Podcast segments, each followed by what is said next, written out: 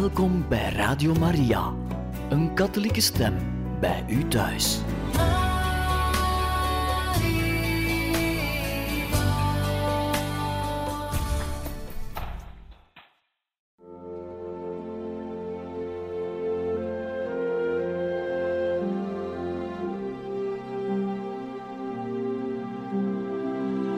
Beste luisteraars van Radio Maria, welkom bij het programma Catechismus. Een overweging bij de geloofschat van de kerk.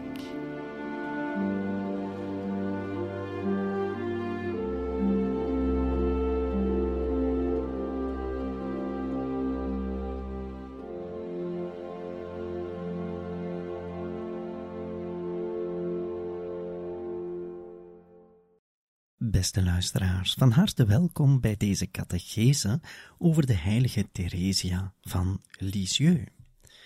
We zijn in het jaar 1887, 4 november. Ze gaat op reis naar Rome. We weten dat Therese wil binnentreden in de Karmel. Ze heeft de goedkeuring van haar vader, ze heeft de goedkeuring van nonkel Isidore, de broer van haar overleden moeder. Ze is reeds op bezoek gegaan bij de bisschop van Bayeux-Lisieux, Monsieur Hugonin, en daar heeft zij ook contact gehad met de vicaris-generaal.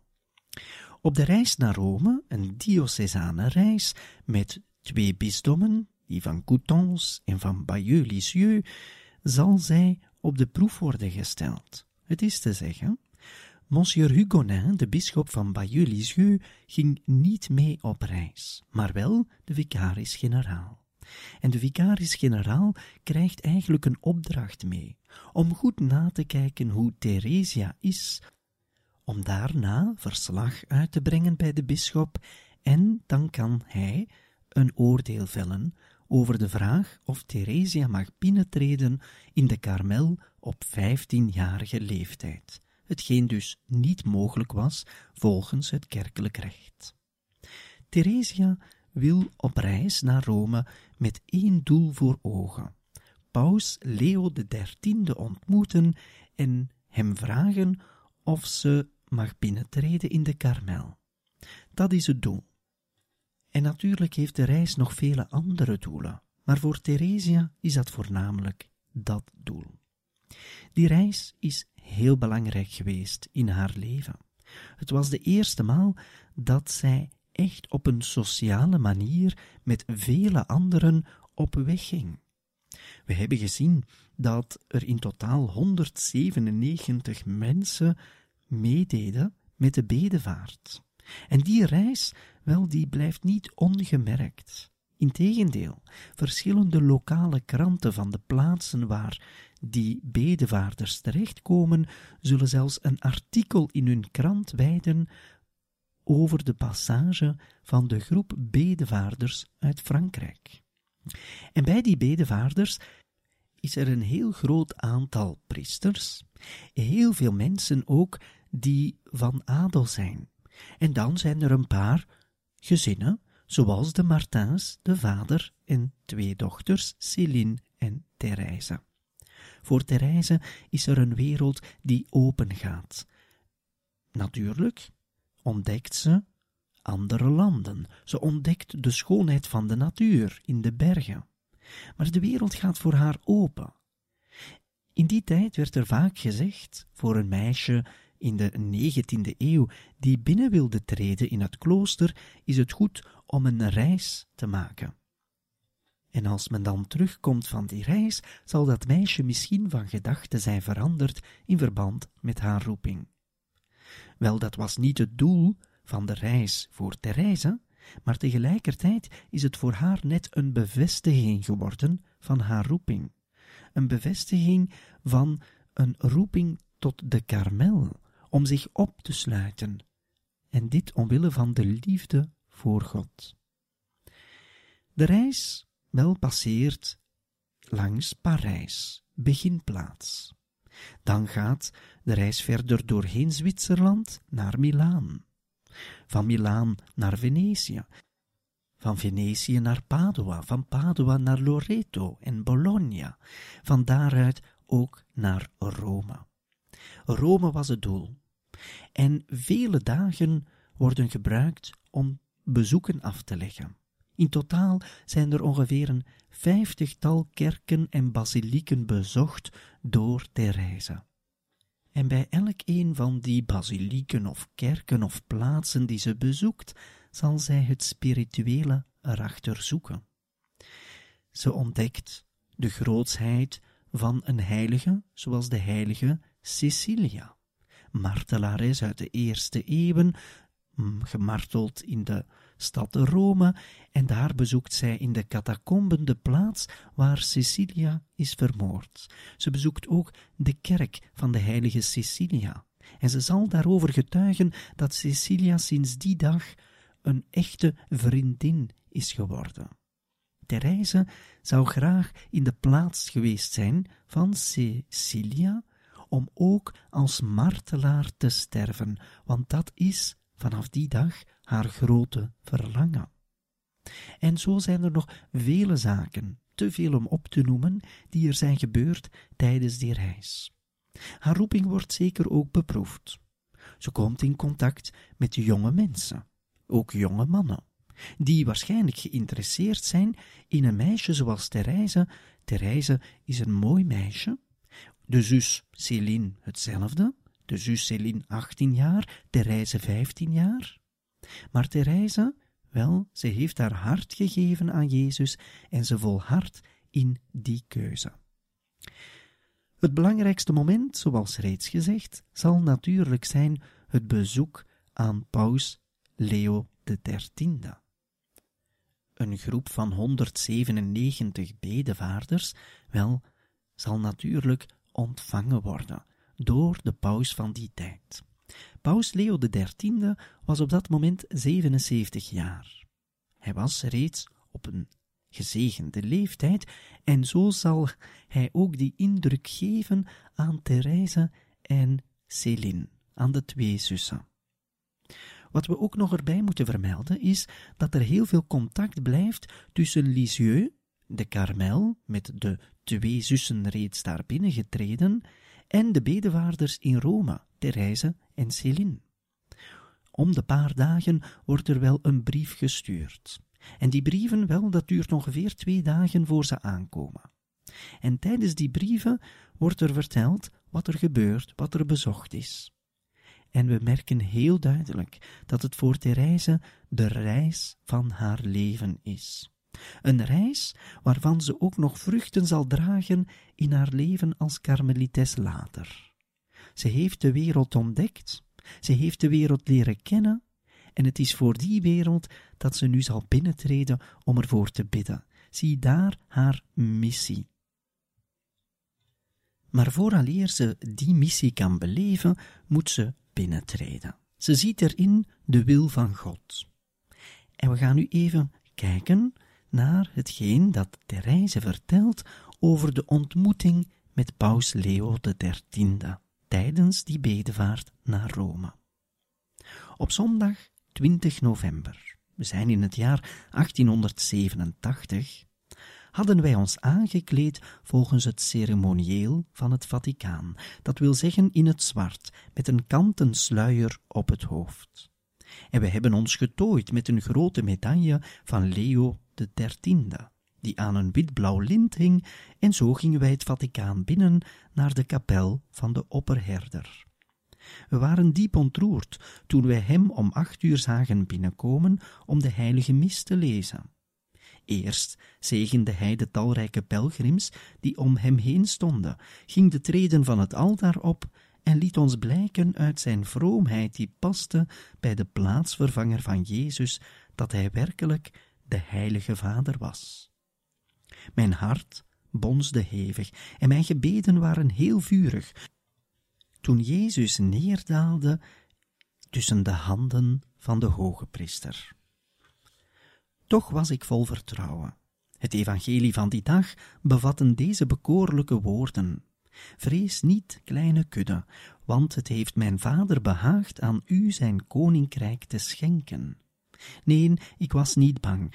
Ik hoopte dat het koninkrijk van de Karmel spoedig aan mij zou toebehoren. Ik dacht toen niet aan die andere woorden van Jezus. Ik bereid voor u mijn koninkrijk, zoals mijn vader dat voor mij heeft bereid. Dat betekent, ik bewaar kruisen en beproevingen voor u. Op die manier zult gij het bezit van het koninkrijk, waarnaar gij verlangt, waardig worden. Omdat de Christus moest lijden, en al dus in zijn glorie binnengaan, moet gij de kelk drinken, die hij zelf gedronken heeft, als gij een plaats wilt hebben naast hem. Deze kelk werd mij door de Heilige Vader aangeboden, en mijn tranen mengden zich met de bittere drank die ik te drinken kreeg. Na de mis van dankzegging die volgde op die van zijn heiligheid, begon de audiëntie. Paus Leo XIII zat in een grote leunstoel. Hij was eenvoudig gekleed in een witte toog, een schoudermanteltje van dezelfde kleur en droeg een kalotje op het hoofd. Om hem heen stonden kardinalen, aartsbisschoppen en bisschoppen, maar ik heb dat maar vaag gezien, want ik lette alleen op de Heilige Vader.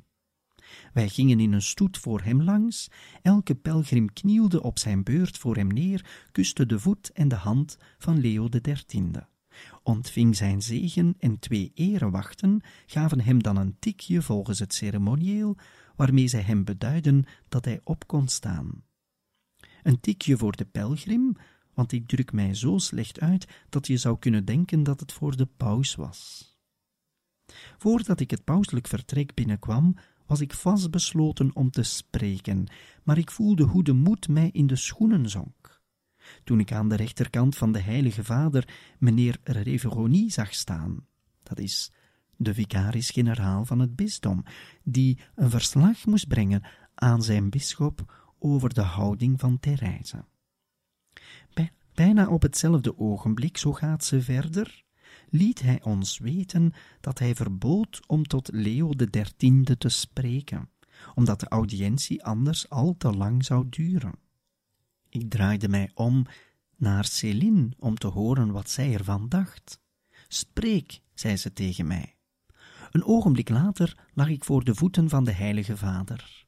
Toen ik zijn pantoffel gekust had, stak hij mij zijn hand toe, maar in plaats van die te kussen, vouwde ik mijn handen samen en met mijn ogen vol tranen naar hem toegekeerd, riep ik uit, Heilige Vader, ik moet u een heel grote genade vragen. Toen boog de opperherder zijn hoofd naar mij toe, zodat mijn gezicht bijna het zijne raakte. Ik zag dat zijn diepe zwarte ogen mij aankeken, en het leek of zij doordrongen tot op de bodem van mijn ziel. Heilige Vader, zei ik tot hem, sta mij toe ter ere van uw jubileum om met vijftien jaar in de karmel te treden. De ontroering deed ongetwijfeld mijn stem trillen, want hij wendde zich naar meneer Reveroni, die mij verbaasd en ontevreden aankeek. De heilige vader zei, ik begrijp het niet goed. Als de goede God het had gewild, dan had meneer Reveroni gemakkelijk voor mij kunnen verkrijgen wat ik vroeg, maar hij wilde mij juist het kruis geven, niet de vertroosting. Heilige Vader, antwoordde de vicaris-generaal, het is een kind dat met vijftien jaar in de karmel wil treden, maar de oversten onderzoeken deze kwestie momenteel. Welnu, mijn kind, hernam de heilige vader, terwijl hij mij met goedheid aankeek, doe wat de oversten u zullen zeggen. Mijn handen op zijn knieën steunend waagde ik een laatste poging en ik zei met smekende stem, O heilige vader, als u het goed vindt, vindt iedereen het goed. Hij keek mij strak aan en sprak deze woorden uit, met een nadruk op elke lettergreep. Kom, kom, u zult intreden als de goede God het wil. Zijn accent had iets zo doordringends en zo overtuigends dat het is alsof ik het nu nog hoor. Daar zijn goedheid mij moed gaf, wilde ik nog meer zeggen, maar de twee erewachten tikten mij beleefd aan om mij te laten opstaan. Toen zij zagen dat het niet hielp, namen zij mij bij de armen En meneer Reveroni hielp hen om mij overeind te zetten, want ik bleef met gevouwen handen steunen op de knieën van Leo de dertiende. En zij hebben mij met kracht van zijn voeten moeten wegtrekken. Op het moment dat ik zo overeind was geholpen, legde de heilige vader zijn hand op mijn lippen. Daarna hief hij zijn hand op om mij te zegenen. Toen kwamen de tranen mij in de ogen en meneer Reveroni kon zeker evenveel diamanten bewonderen als hij te Bayeux te zien had gekregen. De twee erewachten droegen mij als het ware naar de deur toe en daar kreeg ik van een derde een medaille van Leo de dertiende. Zie daar de episode van de grootste ontmoeting met paus Leo XIII. Therese ontvangt niet wat ze verwachtte. Maar tegelijkertijd is de boodschap van de paus eigenlijk niet slecht. Als God het wil, zult ge binnentreden. Therese begrijpt het op dat moment nog niet echt. Ze ziet er voornamelijk in dat het een kruis wordt. Het kruis wordt haar gegeven door een soort van bemoeienis van de vicaris-generaal, die tussenkomt, maar niet op de gewenste manier. Therese zal het wel in vrede aanvaarden. Het is moeilijk, maar het zal haar lukken. Zo dadelijk gaan we verder om over die episode te spreken en over de rest van die reis die zo betekenisvol is geweest voor Therese.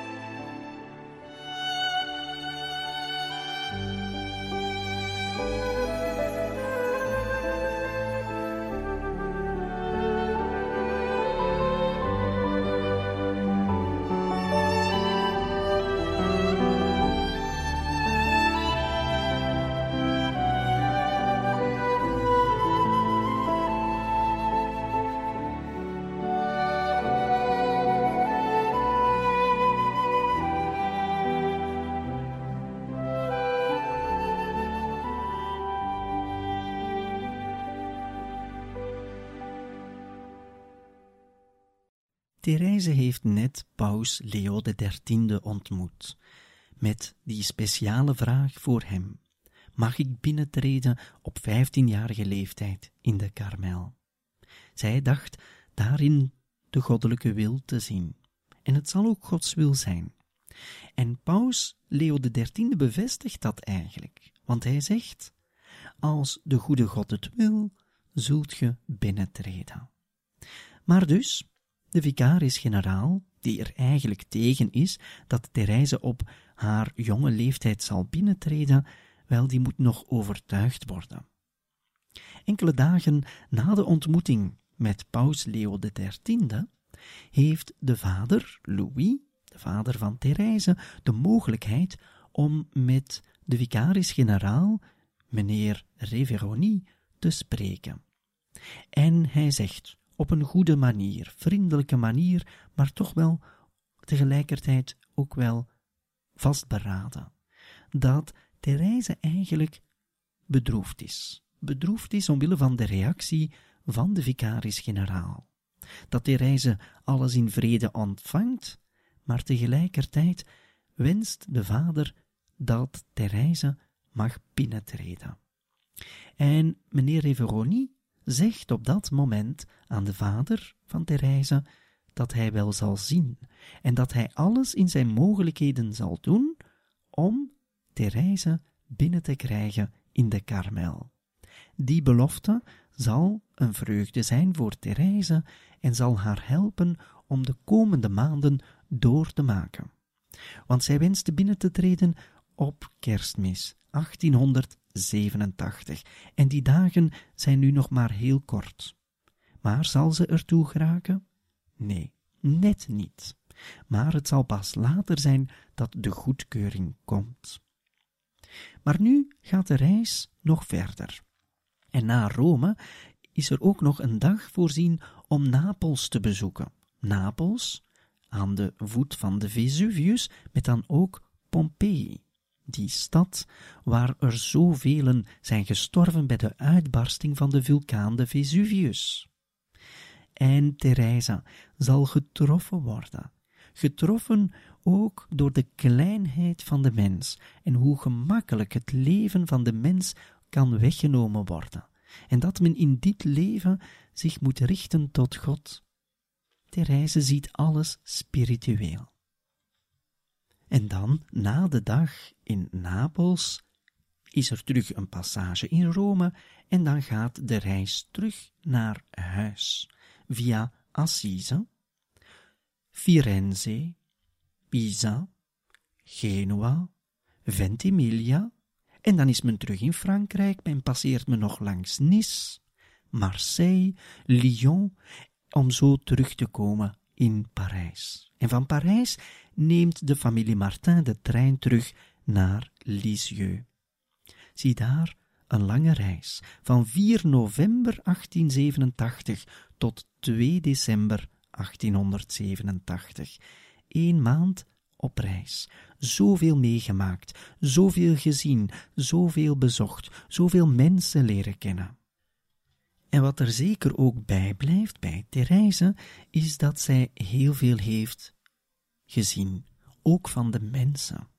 Ze heeft mensen gezien van een andere stand, een andere klasse, en in die tijd was dat nog heel belangrijk. Ze heeft ook een zekere luxe leren kennen, want de hotels waar de bedevaarders werden ontvangen, waren meestal grote luxe hotels. En dat wereldse, wel, dat zal zij zelf beschrijven, wat ze daarvan vindt. Ze schrijft: Tijdens het hele verloop van deze reis hebben wij gelogeerd in vorstelijke hotels. Nooit had ik zoveel luxe om mij heen gehad. Terecht wordt er gezegd dat de rijkdom niet gelukkig maakt, want ik zou gelukkiger zijn geweest onder een strooien dak met het vooruitzicht op de karmel, dan in die vergulde kamers met wit marmeren trappen, zijden tapijten, doch met bitterheid in het hart. Ach, ik heb het wel gevoeld, de blijdschap zit niet in de dingen die ons omgeven. Zij woont in het diepste van de ziel. Je kunt haar bezitten in de gevangenis, even goed als in een paleis. Het bewijs daarvan is dat ik gelukkiger ben in de karmel, zelfs te midden van inwendige en uitwendige beproevingen, dan in de wereld, omringd door aangename dingen des levens, en vooral door de genoegens van vaders huis. Mijn ziel was ondergedompeld in droefheid, maar uiterlijk bleef ik dezelfde, want ik dacht dat mijn verzoek aan de Heilige Vader niet bekend was geworden. Het duurde niet lang of ik kon mij ervan vergewissen dat het net andersom was. Toen ik alleen met Céline in de wagon was achtergebleven, de andere bedevaartgangers waren tijdens enkele minuten oponthoud even naar het stationsbuffet toe, zag ik dat meneer Legout, de vicaris-generaal van Coutances, het portier opendeed. Hij keek mij glimlachend aan en zei, wel, hoe gaat het met onze kleine karmelites? Ik begreep daaruit dat alle bedevaartgangers van mijn geheim afwisten.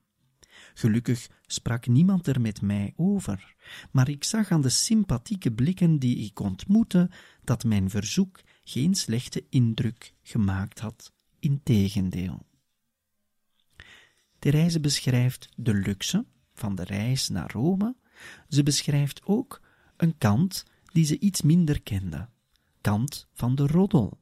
En het is nu geen negatieve roddel, maar ze leert dus ook de kleinere kant van andere mensen kennen. En laten we duidelijk zijn, het is ook de eerste maal, en zeker in die tijd was dat bijzonder, dat zij voor dertig dagen lang met andere mensen samenleefde, waaronder ook heel vele priesters. En zelfs de priesters zal zij op dat moment ontdekken als gewone, normale, zelfs ook zwakke mensen. Wij weten dat dat een zekerheid is, maar in die tijd, en zeker ook voor Therese, was dat niet het geval. Ze kende een priester alleen maar van aan het altaar, of in de biechtstoel, of tijdens een catecheseles. Maar ze kende de priesters niet in hun dagelijkse leven. En ze zal achteraf zelfs zeggen dat ze haar roeping ook in Italië heeft begrepen, dat zij moet binnentreden in de karmel om te bidden voor de priesters. Ze had nooit begrepen dat dat eigenlijk nodig was. Ze zag een priester bijna als een engel, of nog meer dan een engel. Maar nu ziet zij ook de kleinheid, zoals elke mens dat heeft, en ook bij de priesters. Zij ontdekt dat het net de priesters zijn die nood hebben aan haar gebed, en dit speciaal wanneer ze binnentreedt in de karmel. De tweede ervaring die ik opdeed, zegt Therese, en de eerste ervaring was het wereldse, dat dat eigenlijk allemaal niet zo belangrijk was en waarvan zij zegt dat ze dat maar allemaal een beetje rook vond. Op een afstand had het mij soms wel eens wat geïmponeerd, zegt ze, maar van dichterbij zag ik dat het niet allemaal goud is wat er blinkt. En nu doet ze een tweede ervaring op. En dat heeft betrekking op de priesters. Ze zegt, daar ik nooit in hun directe nabijheid geleefd had, kon ik dit voornaamste doel van de hervorming van de karmel niet begrijpen. Bidden voor de zondaars vond ik heerlijk, maar bidden voor de priesters, dat vond ik wonderlijk, want hun ziel leek mij zuiverder dan kristal. Ach, in Italië heb ik mijn roeping begrepen. Het was geen te verre reis om deze nuttige kennis op te doen. Een maand lang heb ik heel wat heilige priesters meegemaakt en ik heb gezien dat zij toch zwakke en broze mensen blijven. Al plaatst hun verheven waardigheid hen boven de engelen, als heilige priesters die Jezus in zijn evangelie het zout der aarde noemt, uit hun gedrag laten blijken dat zij heel erg behoefte hebben aan gebed, wat moeten wij dan zeggen van lauwe priesters? Heeft Jezus niet eveneens gezegd, als het zout verschaalt, waarmee zal men dan zouten? Wat is het een mooie roeping, als je het zout mag behoeden, dat bestemd is voor de zielen. Dat is de roeping van de karmel. Want het enige doel van ons gebed en onze offers bestaat erin dat wij apostel van de apostels zijn en bidden voor hen die het evangelie verkondigen, met het woord, maar vooral met het voorbeeld. Maar ik moet ophouden. Als ik hierover zou blijven praten, zou er geen eind aan komen. Therese heeft haar roeping begrepen. Binnentreden in de karmel om te bidden. Voor de zondaars, maar in de eerste plaats voor de priesters, om zo apostel te zijn van de apostels. En zo een heilige die ze reeds zeer lief had, de heilige Maria Magdalena, zal een voorbeeld zijn voor Therese in haar religieuze leven.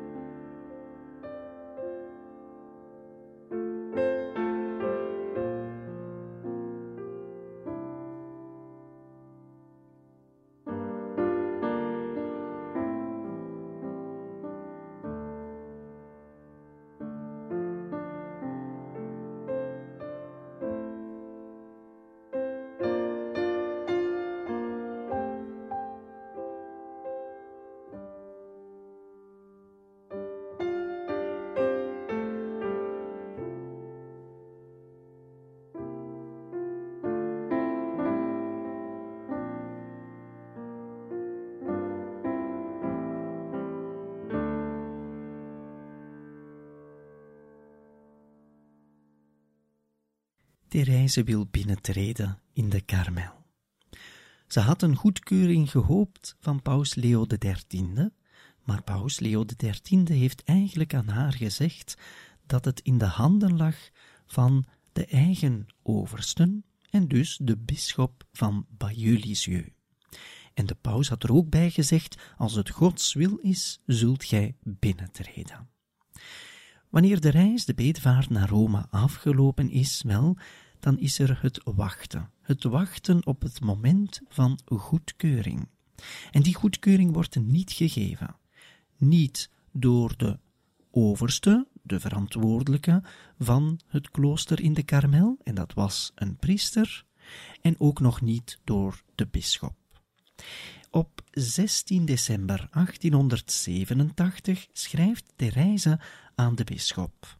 Monseigneur, nederig kom ik uw hoogwaardigheid mijn aanvraag in herinnering brengen, te einde uw toestemming te verkrijgen tot intrede in de Karmel.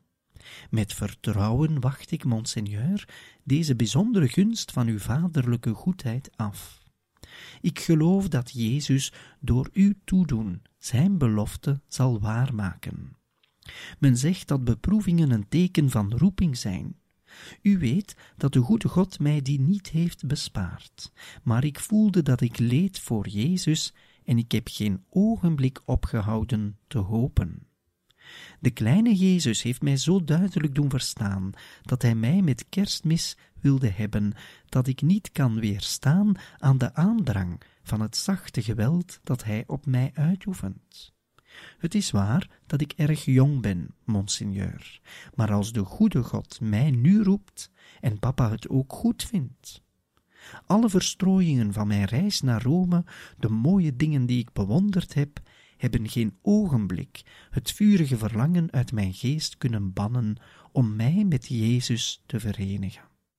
Mag ik verwachten dat de veelvuldige contacten die ik op mijn reis gehad heb met meneer Reveroni en die mij hebben geleerd hoe goed hij is, hem de gelegenheid hebben geboden om over de waarachtigheid van mijn roeping te oordelen en een motief om mijn zaak bij uw hoogheid te bepleiten. Kerstmis komt dichterbij, monseigneur, en ik wacht met groot vertrouwen, want ik denk aan de belofte die Jezus mij heeft gedaan in het diepste van mijn hart. Ik zal nooit vergeten dat ik aan uw hoogheid de vervulling van de plannen van God met zijn kleine dienares te danken heb.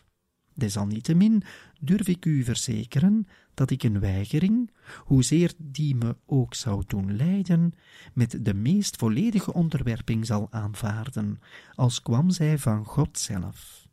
Ik durf mij noemen, monseigneur, van uwe hoogheid, het kleinste dochtertje en de gehoorzame dienares, Theresia Martin. Deze brief zal aankomen bij de bisschop en hij gaat er een antwoord op geven. En wat is het antwoord dat aankomt in een brief gericht aan de Karmel van Lisieux op 28 december 1887? Het antwoord is ja. Therese mag binnentreden. Ze krijgt uiteindelijk toch de goedkeuring. Het was dus niet op kerstmis, zoals Therese had gedacht, maar vanaf 28 december mag zij binnentreden. Maar het is echter op 1 januari 1888 dat Therese dit besluit van de bisschop te horen krijgt. De karmelitessen zullen even wachten met het antwoord kenbaar te maken. Een beetje onbegrijpelijk misschien, maar achteraf zullen de zusters van de Karmel zeggen dat het speciaal werd gedaan om ook geen afgunst te creëren bij de verantwoordelijke, de priester verantwoordelijk voor de karmel van Lisieux. Therese mag dus binnengaan en ze wordt op 2 januari 1888 15 jaar. Zal ze onmiddellijk binnengaan? Nee. De zus, Pauline, die reeds binnen is als karmelites, zal namelijk aan Therese vragen om nog drie maanden af te zien, het kruis te dragen en om pas na de vastentijd binnen te treden in de karmel. Waarom? Om niet onmiddellijk de zwaarte en de moeilijkheid van de vastentijd in de karmel te moeten beleven. Therese zal zich neerleggen bij dit besluit, en dus volgen er nog drie lange maanden, maar die toch voor Therese snel zullen voorbijgaan. En op 9 april 1888, ze is dan 15 jaar en drie maanden oud, zal ze binnentreden. 9 april in dat jaar 1888 was het feest van de aankondiging van de Heer. Dat feest, elk jaar gevierd op 25 maart, was dat jaar uitgesteld omwille van de vastentijd. En dus, 9 april, feest van de aankondiging, treedt zij voorgoed binnen in de karmel, opgesloten omwille van de liefde voor God, en zo wil zij haar leven geven aan die goede Jezus, waarnaar ze heeft verlangd al die tijd. Haar kinderjaren, haar jeugdjaren, ze waren al van Jezus, maar nu kan ze eindelijk haar roeping beginnen. En in die roeping zal zij leren bidden. Bidden voor de priesters, bidden voor de zondaars, bidden voor de missionarissen, bidden voor degenen die het evangelie verkondigen. Een leven gegeven voor de kerk, maar dit in het verborgene. En zo zal Therese heilig worden, want dat is haar grote verlangen. En zo schrijft Therese zelf. Hoe gingen deze drie maanden voorbij, die zo rijk aan genaden waren voor mij? Eerst kwam de gedachte bij mij op om het niet zo nauw te nemen met het stipt geregeld leven dat ik gewoon was, maar ik begreep al gauw hoe kostbaar de tijd was die mij gegund werd. Ik besloot om mij meer dan ooit toe te leggen op een ernstig en verstorven leven. Als ik verstorven zeg, dan is dat niet om u te doen geloven dat ik boete deed. Helaas heb ik die nooit gedaan. Ik was er nog ver vandaan te lijken op die mooie zielen die vanaf hun kindertijd allerlei verstervingen doen. Ik voelde mij daartoe helemaal niet aangetrokken. Dat kwam zeker van mijn lafheid, want net als Céline had ik duizenderlei kleine dingen kunnen bedenken om mij te versterven. In plaats daarvan heb ik mij altijd laten vertroetelen en vetmesten als een vogeltje dat helemaal geen boete nodig heeft. Mijn verstervingen bestonden in het breken van mijn wil, die altijd klaar stond om zich te doen gelden in het inhouden van een antwoord, in het bewijzen van kleine diensten zonder mij daarop iets te laten voorstaan, niet met mijn rug ergens tegenaan te leunen als ik zat, enzovoort, enzovoort. Door die kleine, onbetekenende dingen heb ik mij erop voorbereid om de verloofde van Jezus te worden, en ik kan niet zeggen met hoeveel vreugde ik terugdenk aan deze tijd van afwachten. Drie maanden gaan vlug voorbij. Eindelijk brak het zo vurig verlangde ogenblik aan. En zo zal Therese op 9 april 1888 binnentreden. Eigenlijk is het voor haar een zeer vroeg huwelijk. Zij is de verloofde van Jezus, zo ziet ze zichzelf. En nu geeft ze haar leven volledig voor degene voor wie ze heeft gekozen, voor Jezus Christus. Bij een volgende catechese, beste luisteraars, zullen we het hebben over haar leven binnen de karmel, haar leven verenigd met Jezus.